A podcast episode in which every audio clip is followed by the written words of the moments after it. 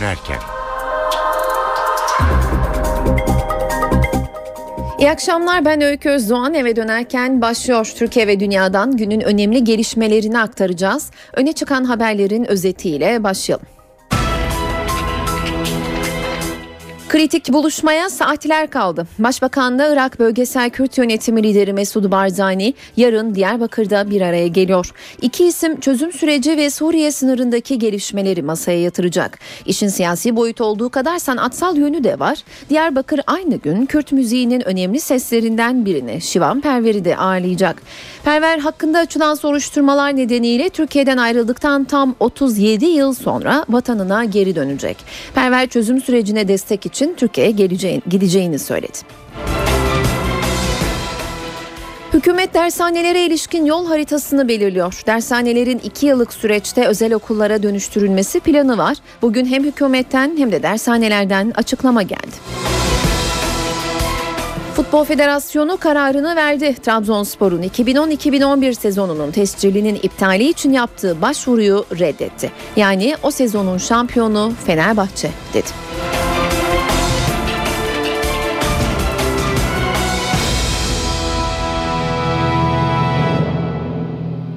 Yokuş tırmandığı ifade edilen çözüm sürecinde bir yumuşama olacak mı? Gözler Başbakan Erdoğan'ın yarın başlayacak Diyarbakır ziyaretine çevrildi. Başbakan Irak Bölgesel Kürt Yönetimi lideri Mesud Barzani ile bir araya gelecek. İkili hem süreci hem de Rojava'da PYD'nin özellik çabalarını masaya yatıracak. Hafta sonu birçok ilk de yaşanacak. Örneğin Barzani ilk kez Diyarbakır'da bulunacak. Başbakan da ilk kez Diyarbakır Büyükşehir Belediyesi'ni ziyaret edecek. Ayrıntıları NTV Bölge Temsilcisi Nizamettin Kaplan'dan alacak alacağız. Nizam kentteki hava nasıl? Kentte aslında e, ılımlı bir hava var. E, birkaç gün öncesine göre değerlendirdiğimizde daha ılımlı olduğunu söyleyebiliriz. E, çünkü e, ilk başta e, özellikle Barzani ve e, Şivan Perver'in e, başbakanın daveti üzerine Diyarbakır'a gelmesine e, aslında bir tepkiler vardı. E, bir gönül kırıklığı e, demek de doğru olabilir. Çünkü daha önce bu iki isim e, defalarca e, BDP e, ve diğer kesimler tarafından e, Diyarbakır'daki etkinliklere davet edilmiştir özellikle Nevruz'a veya başka etkinliklere ama o iki isim e, bu davetlere e, icabet etmemişlerdi. Dolayısıyla bu davete e, katılıyor olmaları biraz gönül kırıklığı yaratmıştı. Hatta bu anlamda e, siyasetçiler e, BDP e, çevresinde e, siyaset yapan isimler e, biraz da gönül koymuşlardı. Yaptığı açıklamalarda bu anlaşılıyordu. Ama bugün için artık e, bunların biraz daha geride kaldığını söyleyebiliriz. Çünkü e, bugün yeni bir gelişme oldu. Başbakan programına Diyarbakır Büyükşehir Belediyesi ziyaretini de aldı. E, dolayısıyla yarın Diyarbakır'a geldiğinde ilk e, etapta e, Diyarbakır Büyükşehir Belediyesi'ni ziyaret edecek ve Başkan Osman Baydemir ile bir araya gelecek. Ardından da diğer programlarına devam edecek. Nizam teşekkürler. NTV bölge temsilcisi Nizamettin Kaplan telefon hattımızdaydı. Kürt siyasetinden gelen yorum ve değerlendirmelere bakalım şimdi de. Kürt kanadında Barzani'nin ziyareti üzerine farklı görüşler dile getiriliyor. Destekleyen ve umutlu olanlar olduğu kadar Barzani'nin AK Parti'nin seçim yatırımı için buraya çağrıldığını düşünenler de var. BDP Muş Milletvekili Sırrı Sakık zıt kutuplardaki bu görüşlere katılmıyor, daha ılımlı görüş beyan ediyor.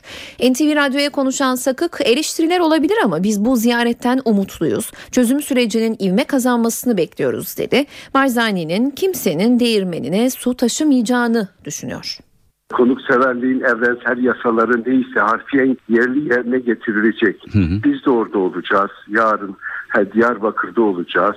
Sayın Barzani pazar günü saat 11.30 gibi belediyeyi ziyaret edecek. Hı hı. Bir arada olacağız. Ee, ama şimdi tabii ki bazı eleştiriler de var. Ama Barzani yılların siyasetçisi, Orta Doğu'da önemli bir siyasi aktör. Hı hı. Yani bu eleştirileri boşa çıkarabilecek bilgi, birikim ve deneyime sahip bir aktördür. Yani hiç kimsenin değirmenine su taşımak gibi bir derdinin olmadığını, hı. gerçekten tıkanan barış sürecine katkı sunacağını umut ediyoruz.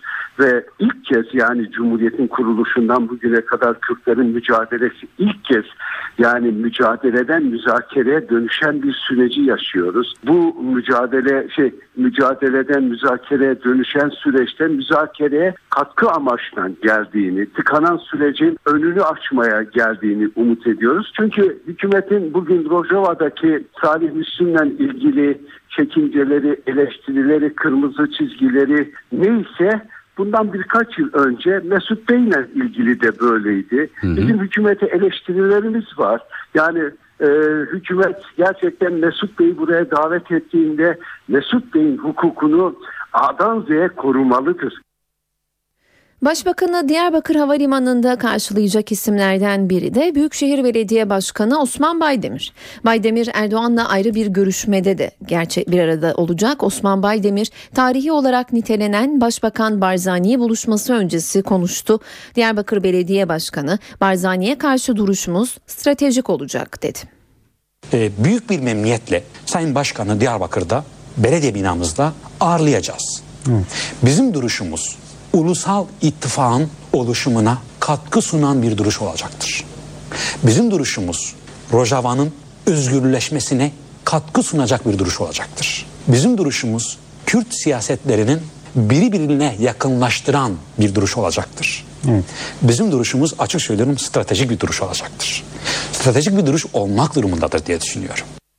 Buluşmanın siyasi olduğu kadar sanatsal yönü de konuşulacak. Kürt sanatçı Şivan Perver, türkücü İbrahim Tatlıses'le düet yapacak. Perver Türkiye seyahati öncesi açıklamalarda bulundu ve çözüm sürecine destek vermek için gittiğini söyledi. Türkiye'deki bütün sanatçı ve aydınların aynı duyarlılığı göstermesini isteyen Perver, annesinin Şanlıurfa'daki mezarını da ziyaret etmek istiyor. Esas ve tek amacım barışa destek vermek. Şivan Perver 37 yıl sonra gerçekleştireceği Türkiye ziyareti öncesinde bu açıklamayı yaptı. Çözüm sürecine destek vermek için Diyarbakır'a gideceğini söyledi. Diyarbakır programına Mesut Barzani'nin isteği üzerine katılacağını belirten Perver, Türkiye'deki tüm sanatçı ve aydınları teröre çözüm sürecine destek sunmaya, özgür ve demokratik bir toplumu geliştirmeye davet etti. Açıklamasında gönül isterdi ki sürgünde yaşamaya mahkum edilmiş bütün sanatçı ve aydın dostlarımla beraber döneyim diyen Şivan Perver, ani ziyaretin herhangi bir siyasi partiye ve harekete karşıtlık veya destek olarak sunulmasını doğru bulmadığını da belirtti.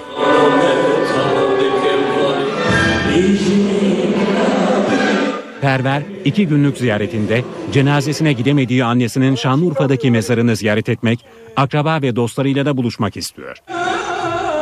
Hakkında açılan soruşturmalar nedeniyle 1976 yılında Türkiye'den ayrılan Perver, o tarihten bu yana Almanya ve İsveç'te yaşamını sürdürüyor.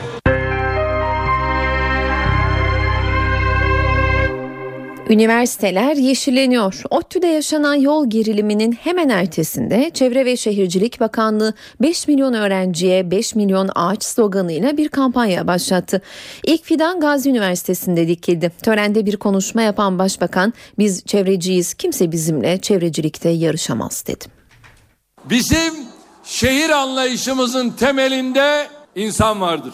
Bizim şehir anlayışımızın temelinde canlı hayatı vardır. Biz de bugün bu anlayışla, bu şuurla hareket ediyor. Tarihle bugünü buluşturan şehirler imar ediyor, gönüllere sesleniyor, gönülleri kazanmayı hedefliyoruz. Biz şu ana kadar aslında Belçika büyüklüğünde bir alana ağaçlandırdık.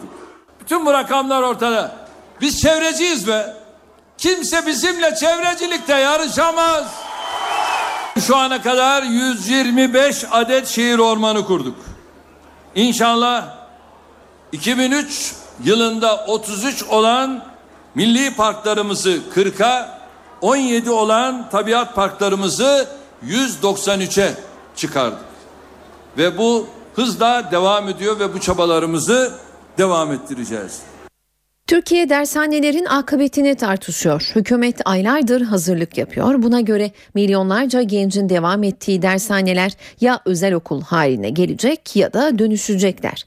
Konuyla ilgili Milli Eğitim Bakanı NTV'ye kritik değerlendirmelerde bulundu. Bunu az sonra aktaracağız ama önce devletin zirvesinden gelen değerlendirmeye bakalım. Cumhurbaşkanı Abdullah Gül okullar varken okullara paralel başka bir eğitimin olması çok hoş değil dedi. Ardından da dershanelerin sebeplerinin yok edilmesi gerektiğini söyledi. E bununla ilgili bir, e, aslında uzun vadeli bir program var gördüğüm kadarıyla. Tabii ki bir ülkede okullar varken o okullara paralel başka bir eğitimin olması aslında çok hoş değil. Ama bunun sebeplerini önce tabii yok etmek de gerekir. Böyle bir ihtiyacı ortadan kaldıracak. Bunlar nihayet arz talep meselesidir. Ee, ama bunların eminim ki e, dikkatli şekilde bütün eğitimciler, herkes konuşacaklardır. İtirazlar yapılacaklar. Bunlar hep dinlenerek muhakkak ki bir yol alınacaktır. Ee, bildiğim kadarıyla şu anda e, kesinleşmiş değil henüz çalışma aşamasında. Dolayısıyla bakanlık bir çalışma yapacaktır. Mecliste komisyonda görüşler hep alınacaktır. E, neticede genel kurula ne zaman gidecek program nasıl doğrusu onu da tam bilemiyorum ama eminim ki bütün bunlar hep dikkate alınarak bir çalışma yapılacaktır.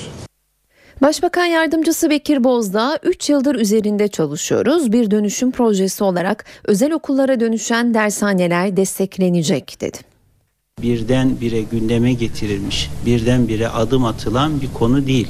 Türkiye bunu tartışıyor. Bu tartışmanın ilk gündeme geldiği günden bugüne geçen süre esasında bu konudaki hazırlıklar bakımından da e, herkes için bir imkan, bir fırsat oldu. Bizim burada yapmak istediğimiz dershanelerin dönüşmesinin önünü açmak. Dershanelerin özel okullara dönüşmesi ve bu yönde hizmet vermesidir. Tabi özel okula dönünce de bunların desteklenmesi ve bazı öğrencilerin özel okullarda okuması halinde onlara destek sunulması bu okulu dershanelerde görev yapan öğretmenlerle alakalı tedbirler alınmasını içeren bir dizi yardımı da barındıran bir adım atıyoruz esasında. Bir adım atılma çalışması var.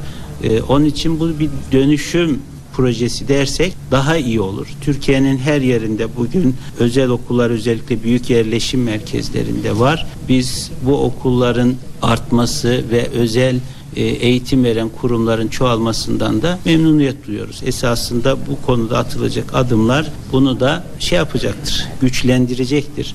Öte yandan tabi Türkiye'de dershaneye bütün öğrencilerin gittiğini söylemek doğru değil. Yani dershaneye giden öğrenciler var, gidemeyen öğrenciler var. Önümüzdeki süreç içerisinde bu alanda bir değişim ve dönüşüm yaşanacaktır. Bunu da hükümetimiz açıklamıştır. Bu çerçevede de çalışmalar yürümektedir. Gelelim konuyla ilgili en yetkin ismin açıklamasına. Milli Eğitim Bakanı Nabi Avcı 2016 yılında bütün dershanelerin özel okula dönüşeceğini söyledi. Avcı yapılacak düzenlemenin gelecek hafta meclise gidebileceğini bildirdi. 2014 yılı itibariyle dershanelerin en az %70'inin özel okula dönüştürülmesinin hedeflendiğini göreceksiniz. İnşallah e, önümüzdeki e, haftalarda diyelim e, bunlar meclis gündemine gelir diye ümit ediyorum. Milli Eğitim Bakanı Nabi Avcı uzun süredir tartışılan dershanelerle ilgili düzenlemenin ayrıntılarını açıkladı. NTV'nin sorularını yanıtlayan Bakan Avcı 2016 itibariyle bütün dershanelerin özel okula dönüşeceğini söyledi bir kısmı diyor ki biz şu halimizle özel okula dönüşemeyebiliriz, dönüşemeyiz. Ama bize gerekli destek sağlanırsa, teşvikler sağlanırsa biz de özel okula e, dönüşmek isteriz. Nedir o teşvikler? Arsa teşviği olabilir, bina teşvikleri olabilir, altyapı teşvikleri olabilir, kredi kolaylıkları olabilir. 2014 itibariyle başlayacak 2 yıllık geçiş sürecinde dershanelere açık lise olma imkanı da sağlanacak. Mevcut yapılarıyla bugünden yarına özel okula dönüşme imkanı olmayanlara da diyoruz ki haftada belli bir süre yüz yüze eğitim yapmak koşuluyla siz de açık lise sitesinde çalışabilirsiniz. Peki dershanelerdeki öğretmenlerin durumu ne olacak? 4000'e yakın dershane var. Bu aşağı yukarı 50 bin küsur derslik demektir.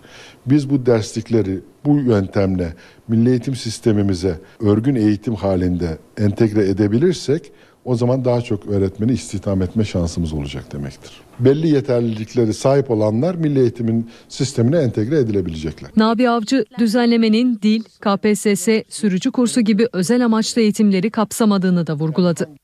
Ana muhalefet ise çalışmaya karşı. CHP Grup Başkan Vekili Akif Hamza Çebi'nin açıklamasını dinleyelim.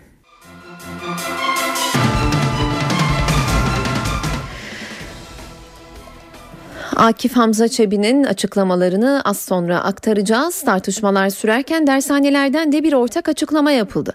O açıklamada dershanelerin okula dönüşümünün tek alternatif gibi sunulmasının hükümetin yeni demokratikleşme paketinde açıkladığının aksine bir tutum olduğu belirtildi. Dershaneciler yaşanan süreçte sükunet içinde olduklarını, hukuka bağlı devlete güven duygusuyla hareket ettiklerini, böyle davranmayı da sürdürmek istediklerini açıkladı. Basın açıklamasında dershane tartışmasının medyada yer alan son haberlerle yeni bir boyut kazandığı ifade edilerek bu tartışmaların temsil edilen özel öğretim kurumların girişimcilerinde maddi manevi kayıplar yarattığı ileri sürüldü. Dershaneler dönüşümü tek alternatif gibi sunması, dönüşemeyenlerin kapatılması, sistem dışına çıkarılması bir dizi hukuksal uyuşmazlıkları da beraberinde getirecektir dedim. Dershane tartışması ile ilgili Fethullah Gülen'den de bir açıklama geldi. Gülen üstü kapalı mesajlar verdi. Mümin sarsılabilir ama devrilmez. Meseleye öyle bakmak lazım diyen Gülen, sabır çok önemli. Firavun aleyhinizde ise isabetli bir yolda yürüyorsunuz demektir. Size cennetin kapılarını kapatmak isteyebilirler ifadelerini kullandı. Saat 18.21 ben Öykü Özdoğan eve dönerken yeniden karşınızdayız. Sırada meclis günlüğü var. Bugün Plan ve Bütçe Komisyonu'ndaki görüşmelere gezi tartışmalarıyla Adana Valisi Hüseyin Avni Coş'a yönelik protestolar damga vurdu. İçişleri Bakanı Muammer Güler, bakanlığın bütçesi sunulurken bir gazetede yer alan İstanbul'dan çalınan araçların plakaları değiştirilerek Suriye'de kullanılacağına ilişkin haberle ilgili açıklama yaptı. Ayrıntıları NTV muhabiri Miray Aktağ alacağız. Miray seni dinliyoruz. Meclisteki plan bütçe mesaisi bugün de devam etti. Komisyonun gündeminde bugün İçişleri ile Gençlik ve Spor Bakanlığı vardı. İçişleri Bakanlığı ile ilgili görüşmeler halen devam ediyor ve o tamamlandıktan sonra Gençlik ve Spor Bakanlığı'nın bütçesi komisyon gündemine gelecek. İçişleri Bakanlığı'nın bütçe görüşmelerinde muhalefetin protestoları vardı. Bugün Cumhuriyet Halk Partisi'nden geldi bu protestolar. İzmir Milletvekili Musa Çam gezi olaylarında hayatlarını kaybedenlerin fotoğraflarının bulunduğu pankartı İçişleri Bakanı Muammer Güler'e uzattı ve tepki olarak bakanla da tokalaşmadı. Bir başka protestoda yine Cumhuriyet Halk Partisi'nden Mevlüt Aslanoğlu'ndan geldi ve Adana Valisi Hüseyin Avni Coş'un vatandaşa yönelik sözleri üzerinden Bakan Güler'i hedef aldı Mevlüt Aslanoğlu ve yılın Kavas ödülü e, olarak hazırlattığı bir kupayı hem e, masasının üzerinde tuttu hem de Bakan Güler'e gösterdi. E, bunun yanı sıra toplantının kameralara kapalı bölümünde de gezi direnişi tartışmaları vardı. Cumhuriyet Halk Partisi'nden yine Bülent Kuşoğlu marjinal grupları Başbakan Erdoğan da kullandı dedi gezi olayları sırasında. AK Partili üyeler bu sözlere tepki gösterdi. Komple teorilerini gerçekmiş gibi açıklamayın dediler ve gezi tartışmasına katılan bir başka isim de komisyon başkanı Lütfi Elvan'dı. Lütfi Elvan'da olaylarda hangi partinin kullanıldığını herkes biliyor dedi. Gezi olaylarına değinen bir başka isim de yine muhalefetten Barış Demokrasi Partisi'nden Hasip Kaplan'dı. Eskişehir'de sopayla öldürülen Ali İsmail Korkmaz'ın öldürülüşüne ilişkin kamera kayıtlarının silinmesinin şüpheli olduğunu söyledi Hasip Kaplan ve bunu silen kolluk kuvvetleri hakkında neden işlem yapılmıyor diye sordu. Komisyonda gezi olaylarına yönelik tartışmalar ve protestolar bu şekildeydi ama komisyonun gündeminde sadece bunlar yoktu. İçişleri Bakanı Muammer Güler'in de dikkat çeken açıklamaları oldu. Bugün İstanbul'da çalınan araçların plakalarının değiştirilerek Suriye'de kullanılabileceğine ilişkin iddialarla ilgili de konuştu İçişleri Bakanı ve bu iddiaların araştırıldığını söyledi. Bazı plakalarda ikiz plaka hatta aynı plakadan 4-5 tane kullanıldığını söyledi Bakan Güler ve buna ilişkin kontrollerin devam ettiğini ifade etti. E, kuşkusuz Suriye'deki karışıklık o karışıklığa işte Güler işaret etti ve e, bizim sınırlarımız içindeki fiziki güvenlik önlemlerini artırmış olmamız giriş çıkışlardaki kaçakçılık olaylarını ve tüm illegal geçişleri kontrol altına almamızın sebepleri bu şeklinde bir açıklama getirdi ama e, bu iddialara ilişkin çok da somut bilgi vermedi. Bundan araştırıldığını söyledi. Ve bu iddialarla ilgili bakandan gelen değerlendirmede bu şekildeydi. Bugün geç saatlere kadar e, bütçe devam edecek plan bütçe komisyonunun mesaisi devam edecek. Çünkü Gençlik ve Spor Bakanlığı henüz gelmedi demiştik ve komisyon bugün Gençlik ve Spor Bakanlığı'nı bitirdikten sonra gelecek hafta bugün yine Cuma günü çalışmalarını artık tamamlayacak plan bütçe maratonu gelecek hafta sona erecek ve komisyon e, bugün akşam çalışmalarını tamamlayacak değil. Pazartesi 11'de yine toplanacak ve e, önümüzdeki haftada yine pek çok bakanlıklar var. Onların bütçeleri de plan bütçe komisyonunda görüşülmeye devam edilecek. Peki teşekkürler Miray. NTV muhabiri Miray Aktağ Uluç telefon hattımızdaydı. Meclis günlüğünü aktardı. Biz de sıcak bir gelişmeyi aktaralım hemen. Türk Silahlı Kuvvetleri Mardin Nusaybin'de jandarma özel harekat timine pusu kurulduğunu duyurdu. Teröristlere anında karşılık verildiği, can kaybının olmadığı belirtildi. Açıklamada teröristlerin 100-150 el ateş ettiği belirtildi. Tekrar edelim ayrıntılarına ulaştıkça aktaracağız. Türk Silahlı Kuvvetleri Mardin Nusaybin'de jandarma özel harekat timine pusu kurulduğunu, teröristlere anında karşılık verildiğini ve can kaybının olmadığını belirtti. Hemen ekleyelim teröristlerin 100-150 el ateş ettiği de belirtildi. Türk Silahlı Kuvvetleri'nin Genelkurmay'ın açıklamasında. Yeni anayasanın yazımı konusunda hemen her gün umutsuz açıklamalar geliyor. Son olarak Başbakan Yardımcısı Bekir Bozdağ konuştu. Bozdağ Anayasa Uzlaşma Komisyonu yeni bir anayasa ortaya koyacak zaman ve ortamı kendi eliyle yok etmiş, netice almak konusunda gerekeni yapmamıştır dedi. Önümüzde mahalli idareler seçimi Mart 2014'te e, Cumhurbaşkanlığı seçimi arkasından milletvekili seçimi takvimini dikkate aldığınızda komisyonun yeni bir anayasayı ortaya koyacak zaman ve ortamı kendi eliyle yok ettiğini görüyoruz.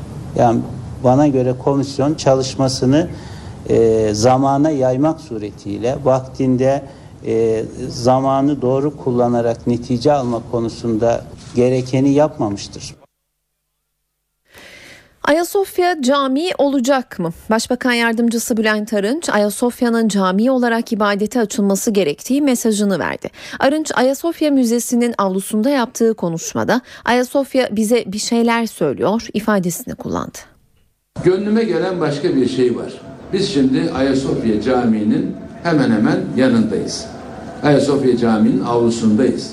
İmaretindeyiz. Bence kulaklarınız duymasa bile gönlünüzden geçen bir şeyler olduğuna inanıyorum. Ayasofya bize bir şeyler söylüyor. Acaba Ayasofya bize neler söylüyor? Neler söylüyor diye şöyle gönlünüzden bir geçirin bakalım. Ta tarihin geçmiş yüzyıllarından bu yana Ayasofya bu haliyle sadece Türkiye'nin, sadece Osmanlı döneminin, sadece 1400'lere, 1300'lere sıkışmış haliyle çok daha öncesinden Ayasofya kelimesinin ihtiva ettiği anlamları bir defa şöyle düşünmemiz lazım. Çok şükür benim dönemimde iki tane beni çok mutlu eden gelişme yaşadık. Şu kadar eser ihya edildi, restore edildi ve diğerleri. Ama biz Ayasofya ismini taşıyan iki camimizi tekrar cami olarak ibadete açtık. Bunlar zaten camiydi ama başka maksatla kullanılıyordu.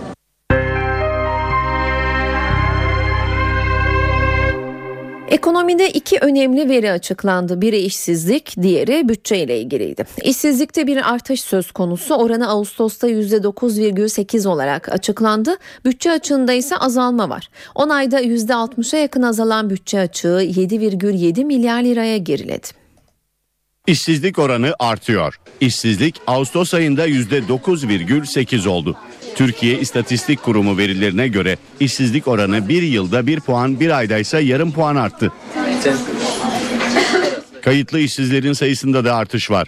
Ağustos itibariyle kayıtlı işsiz sayısı 2 milyon 806 bin kişi oldu. İşsiz sayısı bir yılda 361 bin kişi, bir ayda ise 120 bin kişi arttı. İşsizlik oranı tarım dışı alanda %12,3, genç nüfusta ise %18,7'ye yükseldi. Bütçe cephesindense olumlu haberler var. Bütçe Ekim ayında 3,2 milyar lira açık verdi.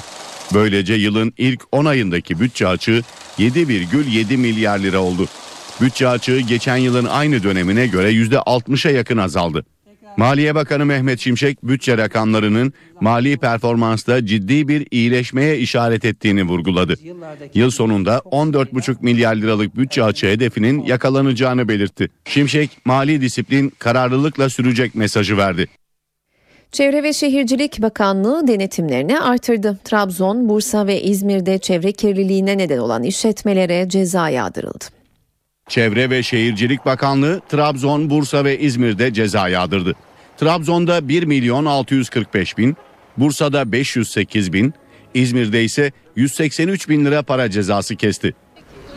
Trabzon'daki denetimlerde en çok ceza su kirliliği ihlali yapan işletmelere yazıldı. Bursa'da ise Gemlik Roda Limanı'nda atık alım tesisinde arıza oluştu. Ve Sintine tankının içindeki yaklaşık 11 ton yağ ve su karışımı denize sızdı. Denize sızan atıklar Gemlik ilçesi Narlı Köyü önü, eski Narlı Köyü, Büyük Kumla Mahallesi'ne kadar ulaştı. Çevre ve Şehircilik Bakanı Erdoğan Bayraktar'ın talimatıyla bölgeye giden ekiplerin inceleme ve denetimleri sonucunda tesiste gerekli önlemleri almadan atığın denize karışmasına sebebiyet veren işletmeye 508 bin lira ceza kesildi. Bakanlığımıza İzmir'de de Bakırçay Nehri'nde yaşanan kirlilik nedeniyle bölgede faaliyet gösteren iki işletmeye 183 bin lira para cezası verildi. Avrupa İnsan Hakları Mahkemesi'nin veri tabanı İngilizce ve Fransızcanın yanı sıra artık Tü- Türkçe de hizmet verecek. AHİM'in aldığı önemli kararların çoğu Türkçe'ye çevrildi. Bu sayede Türk yargıç ve avukatların Avrupa İnsan Hakları Mahkemesi içtihatlarını daha iyi anlamaları hedefleniyor. Avrupa İnsan Hakları Mahkemesi'nin veri tabanı artık Türkçe. İngilizce ve Fransızca yayın yapan veri tabanının Türkçe versiyonu Strasbourg'da Adalet Bakanı Sadullah Ergin'in de katıldığı bir törenle hizmete girdi. Böylece Türkçe Avrupa İnsan Hakları Mahkemesi veri tabanında resmi dillerin dışında kullanılan ilk dil olarak tarihe geçti. Adalet Bakanı Ergin, veri tabanının Türkiye'nin savunma reflekslerini değiştireceğini söyledi. Arkasından da Bakan Ergin sadece Türkiye hakkındaki kararların değil, diğer ülkelerle ilgili içtihat değeri taşıyan kararların da Türkçe'ye çevrileceğini ifade etti. uygulamasını başlattık. Antakya Medeniyet Korosu da Türkçe, Arapça, Fransızca ve İbranice şarkılarla Strasbourg'daki törene renk kattı. Saat 18.38 ben Öykü Özdoğan eve dönerken yeniden karşınızdayız. Atina'ya cami inşası konusunda ilk adım atıldı. Dörtlü konsorsiyumun ihale teklifi kabul edildi. Ayrıntıları NTV Atina muhabiri Stelio Berberakis'ten alacağız. Stelio teklif kabul edildi ancak süreç biraz sıkıntılı geçeceğe benziyor. E yani biraz değil çok sıkıntılı geçmişti. Öykü şöyle ki bu 7 yıllık bir e, macera yani neredeyse bir yılan hikayesine dönüşmüştü. Ve unutmamak gerekir ki bu Atina'da cami inşaatının ilk kararı 1976 yılında alınmıştı. Ancak e, oldukça böyle bir buzdolabına konmuştu denilebilir. Fakat 1983'ten itibaren bütün hükümetler 2000, 2003, 2006 ve en son 2011 yılında e, Atina'da caminin inşaatı için e, hükümetlerin kararı vardı ve nitekim bu Yunan parlamentosunda da onaylanmıştı. Fakat açılan ihalelere bu kez inşaat şirketleri pek yanaşmıyordu. Çünkü e, fanatik e, din çevreleriyle yani bazı din çevreleriyle e, milliyetçi, aşırı milliyetçi çevrelerin tepkileri vardı. Bu nedenle çekimser e, davranıyorlardı. Ancak senin de söylediğin gibi bugün dört inşaat şirketi birden bir konsorçyum oluşturdu ve e, caminin inşaatına karar verildi. Bu e, Atina'nın merkezinde sayılabilecek bir yerde ve e, Yunan Deniz Kuvvetleri'ne ait eski bir üssün 42 dönümlük arazisi üzerinde üzerine yapılacak. E, e, masrafları tamamen Yunan devleti tarafından karşılanacak. 960 bin euro ya mal olacağından ve önümüzdeki 4 en fazla 5 ay içinde de tamamlanacağından söz ediliyordu. Zaten e, bu e, bugünkü kararla yani teklifin kabul edilmesiyle e, Atina'da yaklaşık 30 bin kadar göçmen Müslüman yaşıyor öykü. Bunların e, derneklerin yani Müslüman derneklerin e, başkanı var e, Naim e, Pakistanlı. E, o da işte bir an önce camimize kavuşmak istiyoruz. Onun için ihaleden çok son derece memnunuz şeklinde bir açıklama yaptı. E, bir de unutmamak gerekir ki, e, ki Türkiye e, Yunanistan'la ne zaman müzakerelere otursa, diyalog yapsa bu cami hikayesini her zaman gündeme getiriyordu ve e, bunun karşılığında da işte e, bazı durumlarda Heybeliada'daki ruhban okulunun açılmasıyla neredeyse eş tutuluyordu veya ima ediliyordu. Bakalım bundan sonra ne olacak? E, büyük bir ihtimalle önümüzdeki Nisan ayına kadar tamamlanması gerekiyor bu caminin ve dolayısıyla bugüne kadar e, ibadet yeri olarak kullanılan işte mağazalar olsun, garajlar olsun veya apartman daireleri olsun e, bunların da Atina Belediye Başkanı tarafından e, izinli olarak e, mahallelerde veya küçük ibadet yerleri olarak da e, izin verilmesi öngörülüyor. E, bu e, düşüncelerde e, yok değil e, öykü. Peki teşekkürler Stelio. NTV Atina muhabiri Stelio Berberakis telefonla yayınımıza katıldı. Filipinleri Haiyan tayfununun vurmasının üzerinden tam bir hafta geçti. Birleşmiş Milletler evsiz kalanların sayısının 920 bini bulduğunu duyurdu. Yardımlarsa hala yetersiz kalıyor. Yardım görevlileri ülkedeki durumu felaket olarak niteliyor. Filipinleri vuran Haiyan tayfununun üzerinden bir hafta geçti. Ama yol açtığı yıkımın izlerinin silinmesi aylar hatta yıllar alabilir. Afet bölgesine gönderilen yardımlar son 24 saatte hızlansa da hala yeterli değil. Yiyecek yok, su yok, elektrik ve yakıt yok. Giyecek kıyafet bulamıyoruz. Birleşmiş Milletler evlerini terk etmek zorunda kalanların sayısının 920 bini bulduğunu duyurdu. Bu nedenle bölgede en büyük sorunlardan biri barınma. Zaman zaman yağışların sürdüğü bölgede çadır sıkıntısı çekiliyor. Bölgede elektrik ve iletişim de hala sıkıntılı. Felaket bölgesinde ölenler toplu mezarlara gömülüyor. Ama sokaklarda hala cesetler var. Bu nedenle salgın hastalıkların başlamasından kaygı duyuluyor. Söylentisi yetti, halk sokağa döküldü. Suriye'de kimyasal silahların Arnavutluk'ta imha edileceği iddiasına halk tepki gösterdi. Sokaklar savaş alanına döndü. Suriye'deki kimyasal silahların imha çalışmaları devam ediyor. Ancak imhanın yeri hala kesinleşmiş değil. Bu iş için adı geçen ülkelerden Arnavutluk'ta hükümete yönelik protesto gösterileri vardı. Protestonun nedeni imhayı üstlenmesi karşılığında Arnavutluk Başbakanı'nın Amerika Birleşik Devletleri'nden para yardımı alacağı iddiaları. Başkent Tiran'da parlamento binası önünde toplanan protestocu grup, iki ay önce göreve gelen Başbakan Edi Rama aleyhinde sloganlar attı. Arnavutluk Başbakanı değil, Arnavut halkına aittir. NATO üyesi ülkede muhalif vekiller de durumdan şikayetçi. Demokrat Parti sözcüsü batılı güçlerin ekonomik olarak kendilerinden zayıf durumdaki müttefiklerini sömürmek istediğini iddia etti. Batılı diplomatlarsa 2004'te komünist dönemden kalan kendi kimyasal silah stokunu imha eden Arnavutluğun bu konudaki tecrübesinden ötürü uygun bir seçenek olacağı görüşünde. Rüşvet almakla suçlanan eski Almanya Cumhurbaşkanı Christian Wolff hakim karşısına çıktı. Wolff'u koltuğunda neden rüşvet miktarının 700 euro olduğu iddia ediliyor. Wolff suçlu bulunması halinde 3 yıl kadar hapis cezası alabilecek. Yolsuzlukla suçlanan eski Almanya Cumhurbaşkanı Christian Wolff hakim karşısına çıktı. Benim için kesinlikle zor bir gün. Ancak yöneltilen suçlamalardan aklanacağımı umuyorum. İkinci Dünya Savaşı sonrası yargılanan ilk Alman Cumhurbaşkanı olan Wolff suçsuz olduğunu iddia etti. Wolff'un 5 yıl önce Aşağı Saksonya Eyaleti Başbakanı iken karıştığı iddia edilen yolsuzluğun boyutu duyanları şaşırtacak cinsten. Eski Alman Cumhurbaşkanı'nı koltuğundan eden ve hakim karşısına çıkmak zorunda bırakan 700 euroluk miktar bir yapımcının onun yerine ödediği otel masrafı ve bir yemeğin ücreti. Wolf'un bu bedel karşılığında filmine sponsor arayan yapımcı için bir şirket yöneticisinden ricacı olduğu iddia ediliyor. Ancak Cumhurbaşkanlığı makamının ahlaki otoritenin temeli olarak değerlendirildiği Almanya'da bu miktar bile bir skandal için yeterli. Christian Wolff suçlu bulunması halinde 3 yıla kadar hapis cezası alabilecek. Dokunulmazlığı kaldırılan Wolf, 20 ay yürüttüğü Federal Almanya Cumhurbaşkanlığı görevinden suçlamalar nedeniyle 2012'de istifa etmişti. Çin'de nüfus artışının kontrolü amacıyla başlatılan tek çocuk uygulaması gevşetiliyor. Çin Komünist Partisi tarafından bugün açıklanan reform kararında 1980'den bu yana uygulanmakta olan tek çocuk politikasında değişikliğe gidildi. Değişiklik uyarınca çiftlerden birinin kardeşinin bulunmaması ikinci çocuk hakkı için yeterli neden sayılacak. Çin Halk Cumhuriyeti 1980 yılında tek çocuk politikasını uygulamaya başladı. Dünyanın en kalabalık ülkesi tek çocuk politikasıyla nüfusun hızlı artışını önlerken uzun vadede ciddi problemler ortaya çıktı.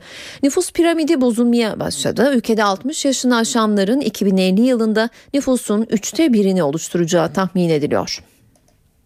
Organ bağışı idamı erteletti. Amerika'da Ohio eyaleti valisi bir idamı durdurdu. Vali John Kasich, hırsızlık, cinayet ve bir çocuğa tecavüz suçundan idam cezası alan Ronald Phillips'in cezasının infazını Temmuz ayına erteledi. Neden? Mahkumun organ bağışı yapma talebi. Phillips'in annesi ve kardeşinin böbrek ve kalp hastası olduğu bildirildi.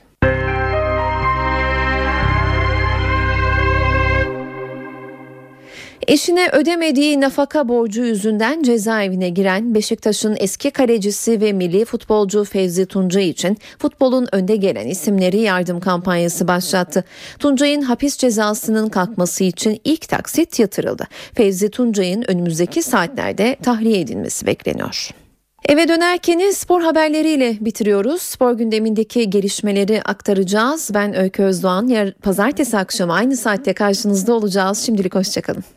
you Futbol Federasyonu Trabzonspor'un 2010-2011 sezonunun tescilinin iptali için yaptığı başvuruyu reddetti. Trabzonspor futbol müsabaka talimatlarında 26 bölü 4 maddesine göre 2010-2011 sezonunun tescilinin iptali için Futbol Federasyonu'na başvurmuştu. Türkiye Futbol Federasyonu da Trabzonspor'un talebi üzerine toplandı. Bordo Mavili Kulübün talebi oy çokluğuyla reddedildi. Alınan karar sonrası Bordo Mavili ekibin tahkim kuruluna başvuracağı öğrenildi. Tahkimde alınacak kararsa son söz olacak. A milli takım özel maçta bugün Kuzey İrlanda ile karşı karşıya gelecek. Adana 5 Ocak stadındaki mücadele saat 21'de başlayacak. Son bilgileri NTV Spor muhabiri Evren Göz aktaracak. A milli takımımız 2016 Avrupa Futbol Şampiyonası hazırlıkları kapsamında ilk hazırlık maçında Kuzey İrlanda ile karşı karşıya gelecek. Adana'da saat 21'de başlayacak mücadele öncesi Ay Yıldızlarımız son hazırlıklarını tamamladı. Dünkü antrenmanda maçın oynanacağı Adana 5 Ocak stadında bir antrenman gerçekleştirdi Ay Yıldızlar ve teknik direktör Fatih Terim yeni oyuncularla beraber onlarla tek tek ilgilendi. Yeni genç oyuncuların e, moralleri yerindeydi. Bu yönde gözlemlerimiz oldu. Amililerimizin muhtemel 11'ini verelim hemen. Kuzey İrlanda maçı öncesi. Kalede Tolga'nın oynamasını bekliyoruz. Defansa Gökhan Gönül, Semih, Ersan Gülüm ve Caner Erkin olacak. Defansa bir dörtlü at olacak. Önlerinde Mehmet Topal ve Bilal'den oluşan bir ikili sağ kanatta Gökhan Töre, sol kanatta Arda Turan, Forvet'te ise Umut Bulut ve Burak Yılmaz şeklinde çıkmasını bekliyoruz. Ameli takımımızın Kuzey İrlanda ile karşılaşacağı maç Ay Yıldızların 511. karşılaşması ve bu 510 maçta 184 galibiyet aldı Ameliler. 120 beraberlik ve 206 yenilgiyle önemli bir istatistiğe imza attı. Bugün Fatih Terim için de önemli bir gündü. Teknik direktör Fatih Terim kendisi adına açılan Fatih Terim Lisesi'ni ziyaret etti. Öğrencilerle e, bol bol sohbet etti, fotoğraf çektirdi ve imza verdi. Fatih Terim doğduğu ve büyüdüğü yer olan Adana'ya geldi ve geldiğinden itibaren burada Fatih Terim'e yoğun bir ilgi var. Özellikle futbol severler uzun bir süredir Fatih Terim'i Adana'da görmeyen futbol severler kendisine yoğun bir ilgi gösterdi. Bugünkü maçta da Fatih Terim'e yoğun bir ilginin olmasını bekliyoruz. Şu an için Adana'dan aktaracaklarımız bu kadar ilerleyen bültenlerde gelişmeleri paylaşmayı sürdüreceğiz. Söz yeniden merkezde. 2014 Dünya Kupası Avrupa elemelerinde bu akşam 4 maç oynanacak. Gecenin maçı İsveç ile Portekiz arasında oynanacak. Diğer playoff karşılaşmaları ise Ukrayna, Fransa, Romanya, Yunanistan ve İzlanda, Hırvatistan. Cristiano Ronaldo mu yoksa Zlatan İbrahimovic mi? Bu soru Solna Arena'da İsveç ile Portekiz arasında oynanacak playoff ilk karşılaşmasında yanıt bulacak. Mücadelenin son derece formda olan ve altın top ödülüne aday gösterilen iki yıldız futbolcunun düellosu şeklinde geçmesi bekleniyor. Zira Ronaldo oynadığı son 4 maçta 9 gol atıp 2 de asist yaparken İbrahimovic ise son 5 maçında rakip fileleri tam 10 kez havalandırdı. Oynadığı son 8 maçın sadece birinden mağlubiyetle ayrılan Portekiz'de önemli bir eksik yok. Fenerbahçeli Raul Meireles, Bruno Alves, Beşiktaşlı Hugo Almeida ve Galatasaraylı Bruma bu maçta teknik direktör Paulo Bento'dan forma bekleyecek. İsveç'te ise Johan Elmander'in bu kritik mücadelede görev alması bekleniyor. Bir diğer playoff karşılaşması ise Ukrayna ile Fransa arasında oynanacak. Cüneyt Çakır'ın yöneteceği karşılaşmada Fransa teknik direktörü Didier Dechamps'ın en büyük kozu Frank Ribery olacak. Ribery'nin yanı sıra Olivier Giroud ile Paul Pogba'nın form durumları Dechamps'ı sevindiriyor. Karim Benzema'nın ise maçın ilerleyen dakikalarında şans bulması bekleniyor. Ukrayna'da ise en etkili isim Konoplyanka. Yetenekli sol kanat oyuncusu Fransız savunma oyuncularına zor anlar yaşatabilir. Milli takımımızın bulunduğu grubu ikinci tamamlayarak playoff oynamaya hak kazanan Romanya ise Yunanistan deplasmanına konuk oluyor. Romanya Teknik Direktörü Viktor Piturka, Gençler Birliği forması giyen Bogdan Stanko'yu son maçlarda olduğu gibi yine Ciprian Marika ile birlikte oynatacak. Elemelerde sadece 4 gol yiyen Yunanistan'ın en büyük kozuysa Olympiakos formasıyla son dönemde rakip kalecilerin kabusu olan Konstantinis Mitroglou. 25 yaşındaki futbolcu bu sezon ligde ve Şampiyonlar Ligi'nde 17 gole imza attı. Gecenin bir diğer baraj maçı İzlanda ile Hırvatistan arasında oynanacak. Hırvatistan'ın yeni teknik direktörü Niko Kovac bu karşılaşmada ilk resmi sınavına çıkacak. Konuk ekipte Mandzukic, Modric ve Rakitic gibi sonucu değiştirebilecek çok sayıda futbolcunun varlığı Niko Kovac'ın en büyük güvencesi. İlk kez Dünya Kupası'na katılmak isteyen İzlanda ise seyircisi önünde oynayacağı karşılaşmada rövanşa avantajlı bir skor taşımayı hedefliyor. Milli arada Shakhtar Donetsk'le karşı karşıya gelen Beşiktaş farklı bir yenilgi aldı. Millilerden yoksun ve yedek ağırlıklı bir kadroyla mücadele eden siyah beyazlar Ukrayna ekibine 4-1 mağlup oldu. Savunmada denenen Holosko kötü bir görüntü sergiledi. Milli takım nedeniyle lige verilen arayı hazırlık maçlarıyla değerlendiren Beşiktaş, Shakhtar Donetsk karşısında tatsız bir prova yaptı. Sağdan 4-1 yenilik ayrılan siyah beyazlarda forma şansı bulan yedek oyuncular göze giremedi. Savunmanın sağında görev yapan Filip Holosko etkisiz bir görüntü sergiledi. Hücumda takımına yeteri kadar destek veremeyen Slovak oyuncu rakibin hücumlarında da zorlandı. Geçirdikleri uzun süreli sakatlıklardan sonra sahalara dönen İsmail Köybaşı ve Uğur Boral da etkisizdi. Beşiktaş'ta sadece Dentinho eski takımı Shakhtar Donetsk önünde zaman zaman etkili futbol ortaya koydu. Ömer Şişmanoğlu'nun golünde asist yapan Dentinho ikinci yarıda da Fernandez'in kaçırdığı net bir pozisyonun hazırlayıcısı oldu. Beşiktaş Teknik Direktörü Slaven Bilic A2 takımı oyuncuları Samet İlgar ve Alperen Doğan'a da Shakhtar karşısında şans verdi. Karşılaşmayı az sayıdaki Shakhtar Donetsk taraftarı da izledi. Beşiktaş pazar günü Beşiktaş Nevzat Demir tesislerinde PTT 1. Lig ekiplerinden İstanbul Büyükşehir Belediyespor'la bir hazırlık maçı daha yapacak. Shakhtar Donetsk'in teknik direktörü Mircea Lucescu, Beşiktaş maçı öncesi basın mensuplarının sorularını yanıtladı. Türkiye'de çalıştığı dönemle ilgili açıklamalarda bulunan Rumen çalıştırıcı, kiralık olarak Beşiktaş forması giyen eski öğrencisi Dentinho'nun dönmek istediğini söyledi. Galatasaray ve Beşiktaş'ta şampiyonluk yaşayan ardında Ukrayna'da Shakhtar Donetsk takımının başına geçen teknik direktör Mircea Lucescu, Türkiye'de yaşadığı süreçle ilgili çarpıcı açıklamalarda bulundu. Beşiktaş, Shakhtar Donetsk maçı öncesi basın mensuplarının sorularını yanıtlayan Rumen teknik adam, Türkiye'de çalıştığı dönemdeki başkanları sert dille eleştirdi. Türkiye'de başkanlar iki senede bir değişiyor ve yeni gelen başkan ilk olarak teknik adamı değiştiriyor. Bir başkan seni çok seviyor ama iki ay sonra başka başkan geliyor ve sana seni beğenmedik diyor. Senin aldığın oyuncuları takımdan gönderiyor. Türkiye'deki başkanlarla iyi iletişim kurmakta, çalışmakta çok zor. Rumen teknik adam Beşiktaş'ta 11 puan fark öndeyken şampiyonluğu kaybettiği sezonla ilgili ilginç ifadeler kullandı. Galatasaray'daki ilk yılımda kiralık oyuncularla kurulu takımla şampiyon olup Şampiyonlar Ligi'nde çeyrek final oynadım. Ve Beşiktaş'ta ilk senemde çok iyi bir şampiyonluk kazandım. İkinci yılımda ilk yarı 11 puan önde kapattık. O durumda şampiyonluğu kaybetmek imkansız ama neler oldu bilmiyoruz. Türkiye'de şampiyon olup ve Şampiyonlar Ligi'ne çeyrek final oynamanın herhalde kredisi vardır ama bana olmadı. Lucescu Beşiktaş'ın Shakhtar Donetsk'ten kiraladığı Dentinho hakkında da konuştu. Dentinho Beşiktaş'a gelmek istedi çünkü onunla aynı mevkide William vardı. Kendisi oynamıyordu. Kendisi Shakhtar'da yedek kalmak istemedi ve 90 dakika oynamak istedi. Burada da 90 dakika oynamaması, sürekli forma şansı bulamaması beni de hayal kırıklığına uğrattı.